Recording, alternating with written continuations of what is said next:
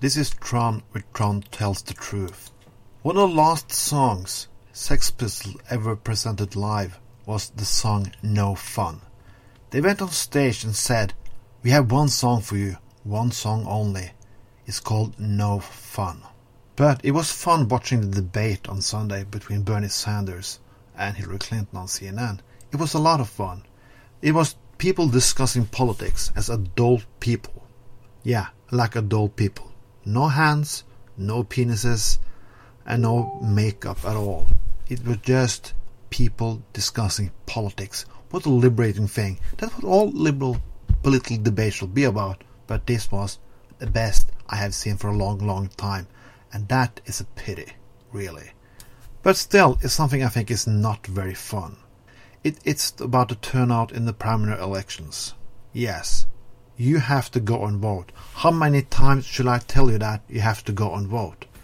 But, at the Republican side, people go and vote.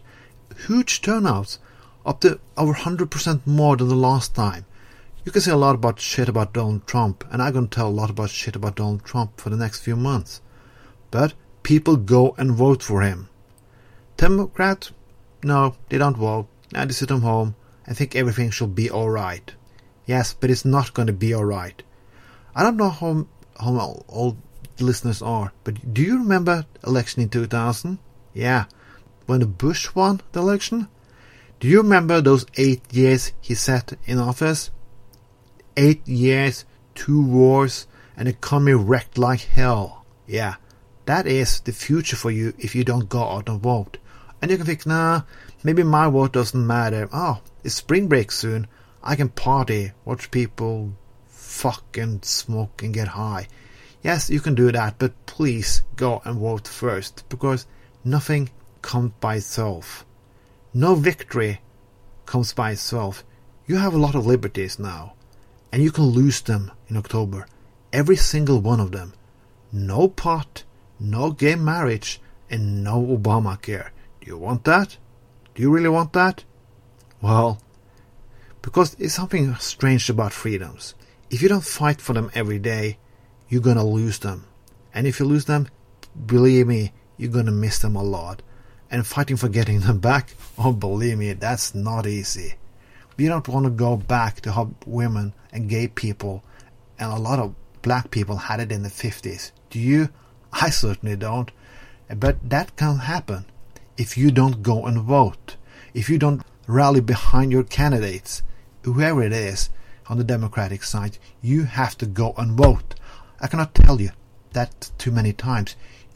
I know politicians are assholes, but I'd rather have a Democratic asshole than a Republican asshole.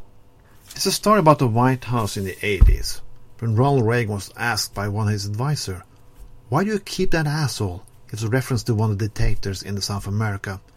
And Ronald Reagan said, Yeah, he may be an asshole, but he's our asshole. Hillary Clinton and Bernie Sanders may be assholes, but at least they're our assholes.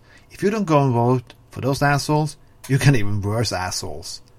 One asshole I don't want to live in. If you think you have a bad time now with law, with your low, high student student loan, and your low minimum wage, yeah, wait, wait after October, when you have Ted Cruz or Donald Trump fuck a lot.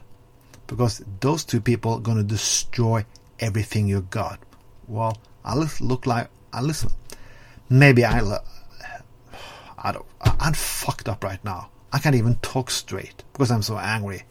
Go and fucking vote, you fucking assholes, or I'm gonna fucking send a Norwegian army of whatever.